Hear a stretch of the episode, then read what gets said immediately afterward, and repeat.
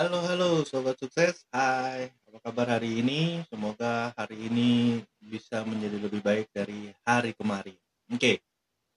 Di podcast episode kali ini gua mau bahas tentang influencer. Nah, ini salah satu eh, pekerjaan yang baru yang menjadi akhirnya menjadi sebuah pekerjaan anak-anak milenial sekarang gitu ya.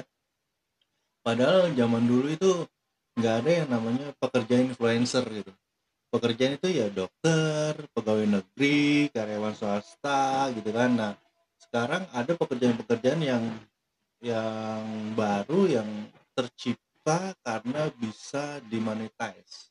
Contohnya youtuber influencer gitu kan. Nah konten kreator. Nah itu termasuk pekerjaan-pekerjaan yang tadinya orang nggak nggak nggak memikirkan nggak memikirkan bahwa itu menjadi sebuah pekerjaan. Oke dan kali ini gue akan bahas tentang influencer itu menguntungkan atau merugikan. Oke kita bahas satu-satu ya teman-teman. Uh, seperti tadi yang gue udah bahas influencer menjadi sebuah pekerjaan baru di mana pekerjaan yang dulunya itu tidak ada gitu kan. Dan karena adanya sosial media karena adanya uh, teknologi yang maju gitu ya seperti hari ini gue bikin podcast. Nah akhirnya timbullah pekerjaan-pekerjaan baru yang di mana menuntut sebuah kreativitas yang luar biasa gitu seperti influencer. Influencer juga nggak menurut gue ya menurut gue itu nggak nggak mudah menjadi seorang influencer. Kenapa? Karena seorang influencer harus bisa menginfluence orang lain. Jadi harus bisa uh, apa ya influence itu membagikan ke orang lain gitu memberitahu dan segala macam. Nah untuk menjadi seorang influencer dia harus menjadi satu sosok yang di mana bisa dilihat oleh orang lain dan menjadi uh, apa ya menjadi barometer gitu ya. Nah ada lagi dan kebanyakan nah bukan bukan ada lagi. Jadi dan kebanyakan influencer itu adalah selebgram. Kenapa? Atau selebriti selebriti juga bisa sih. Artis-artis itu itu bisa bisa menjadi influencer. Nah influencer influencer yang menjadi seorang yang bisa menginfluence orang lain minimal mereka harus memiliki pengikut ya memiliki memiliki fans. Sehingga dia bisa menginfluence fans-fansnya atau pengikut-pengikutnya untuk menjadi seperti dia gitu. Atau menggunakan produk-produk yang yang yang dia gunakan atau menggunakan produk-produk yang uh, mereka sudah di endorsement gitu kan influencer atau uh, seorang yang bisa mempengaruhi orang lain gitu ya dengan cara memperbanyak fansnya dulu. Nah sekarang untung atau menguntungkan atau merugikan sih? Nah kita bahas satu-satu. Kita bahas dari yang menguntungkannya dulu influencer menguntungkan. Kenapa influencer menguntungkan gitu kan? Nah karena influencer seorang influencer menguntungkan bagi dia. Dan e, untuk orang yang di influence gimana? Untung nggak? Nah ketika produknya bagus ketika produknya itu sesuai itu akan untung. Tapi dari sisi influencernya sendiri seorang influencer juga dia untung. Dalam artian kalau orang lain bekerja 9 to 5 gitu ya terus uh, dapat gajinya bulanan gitu kan. Nah kalau seorang influencer kerjanya gimana? Kerjanya tergantung endorsement tergantung uh, produk yang dia di endorse tergantung uh, kontrak kerjanya seberapa lama dia harus mempromosikan sebuah produk atau jasa yang yang dia di endorse gitu misalkan uh, seorang influencer di endorse oleh uh, travel agent gitu ya. Nah menguntungkan dari mana? Menguntungkannya biasanya dapat tiket gratis jalan-jalan ke luar negeri atau ke mana pun gitu ya terus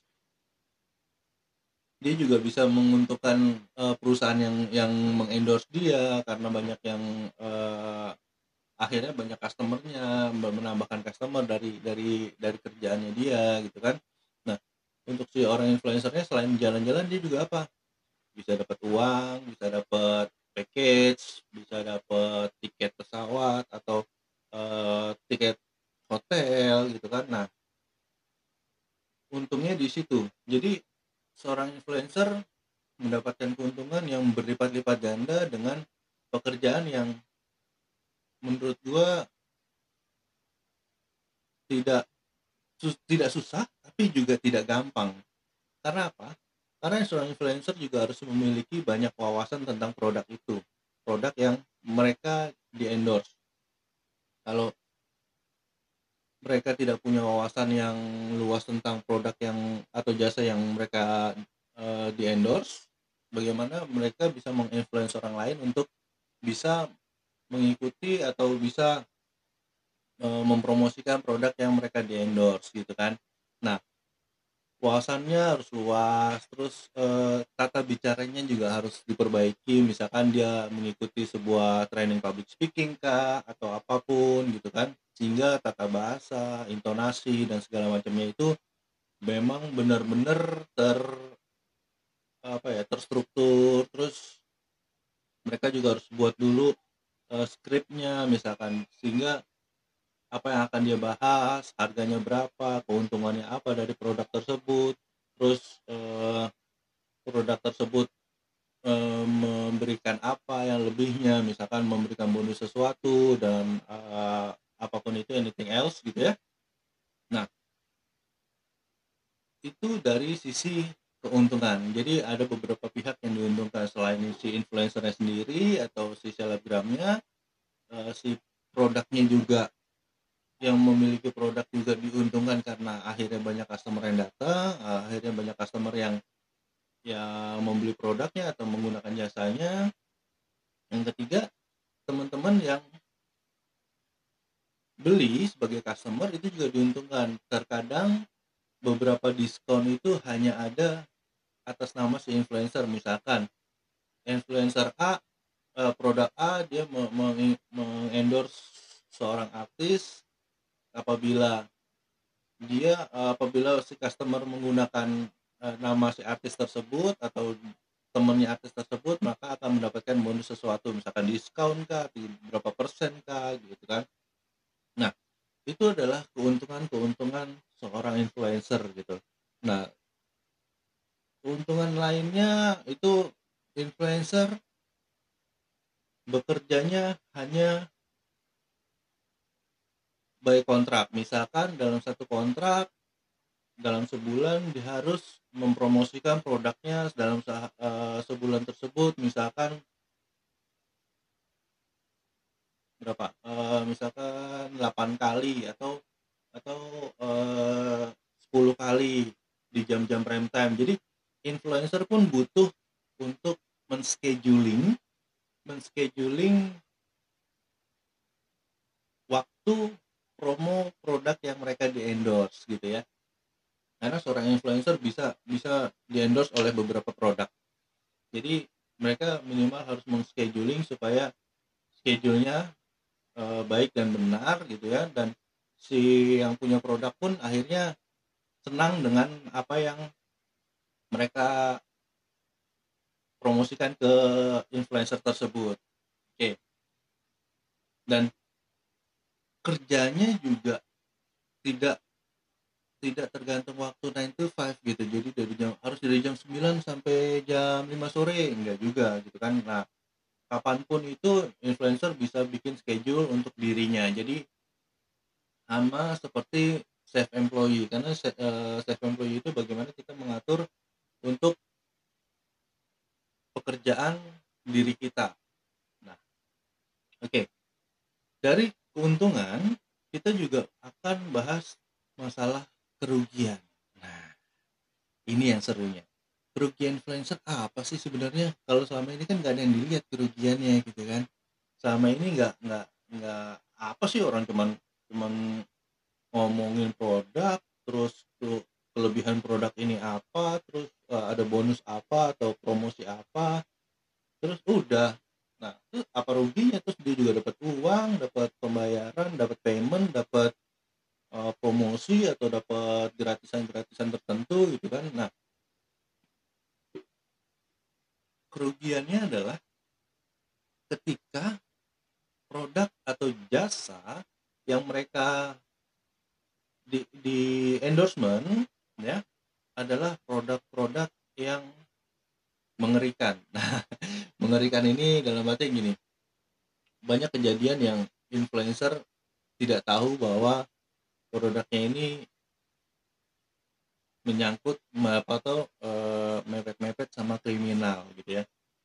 Dan ada kasus juga dan udah udah viral juga kasusnya beberapa influencer itu dipanggil ke polisi karena produk yang mereka endorse itu adalah money laundry gitu kan pencucian uang via via travel dan ya whatever thing gitu ya. Nah itu dia yang yang akan merugikan para influencer. Selain produknya itu yang merugikan dia akhirnya nama dia pun akhirnya jadi jadi negatif gitu ya. Karena suatu hal dan karena e, mereka tidak mempertimbangkan bahwa hal ini atau produk atau jasa yang mereka endorse ini layak di endorse benar atau tidaknya. Nah pelajaran buat teman-teman yang menjadi influencer atau jadi jadi selebgram pelajari dulu jangan hanya tergiur oleh uang hanya tergiur oleh bonus-bonus yang diberikan gitu kan tapi juga harus pelajari dulu produk atau jasa apa yang kita diinfluence untuk itu. Nah so teman-teman kerugiannya itu karena ketidaktahuan. Nah ada lagi nggak kerugian lainnya? Nah kerugian lainnya adalah teman-teman harus benar-benar tepat waktu atau sesuai dengan kontrak endorsement ketika teman-teman menyepelekan gitu ya Nah, teman-teman akan berurusan juga tuh sama hukum. Karena ada penalti yang akan teman-teman dikenakan apabila teman-teman itu tidak sesuai dengan kontrak apa yang dilakukan oleh e, perusahaan atau apa yang diinginkan oleh e, perusahaan atau e, produk atau jasa ataupun finansial, secara hukum juga. Jadi untuk mengurangi kerugiannya adalah teman-teman sebagai influencer harus apa ya eh, banyak-banyak dulu deh sebelum menerima pekerjaan, sebelum menerima job banyak-banyak dulu cari wawasan dulu tentang produk atau jasa yang akan teman-teman influence ke para fans teman-teman kepada follower teman-teman kepada orang di luar sana gitu ya sehingga produk atau jasanya itu tidak merugikan teman-teman influencer gitu ya. Nah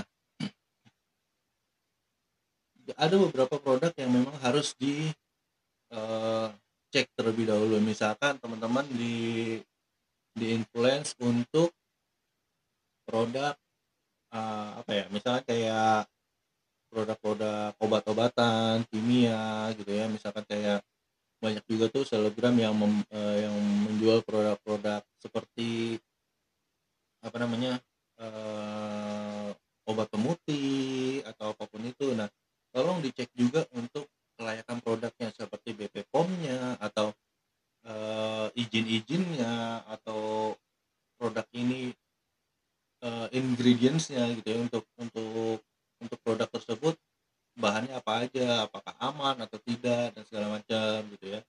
Nah teman-teman cek dulu jangan hanya tergiur oleh uang atau uh, komplimen yang dikasihkan dari endorsement. So bijak-bijaklah memilih pekerjaan untuk teman-teman influencer. Oke? okay? See you the next episode di The Baskoro Scale Up.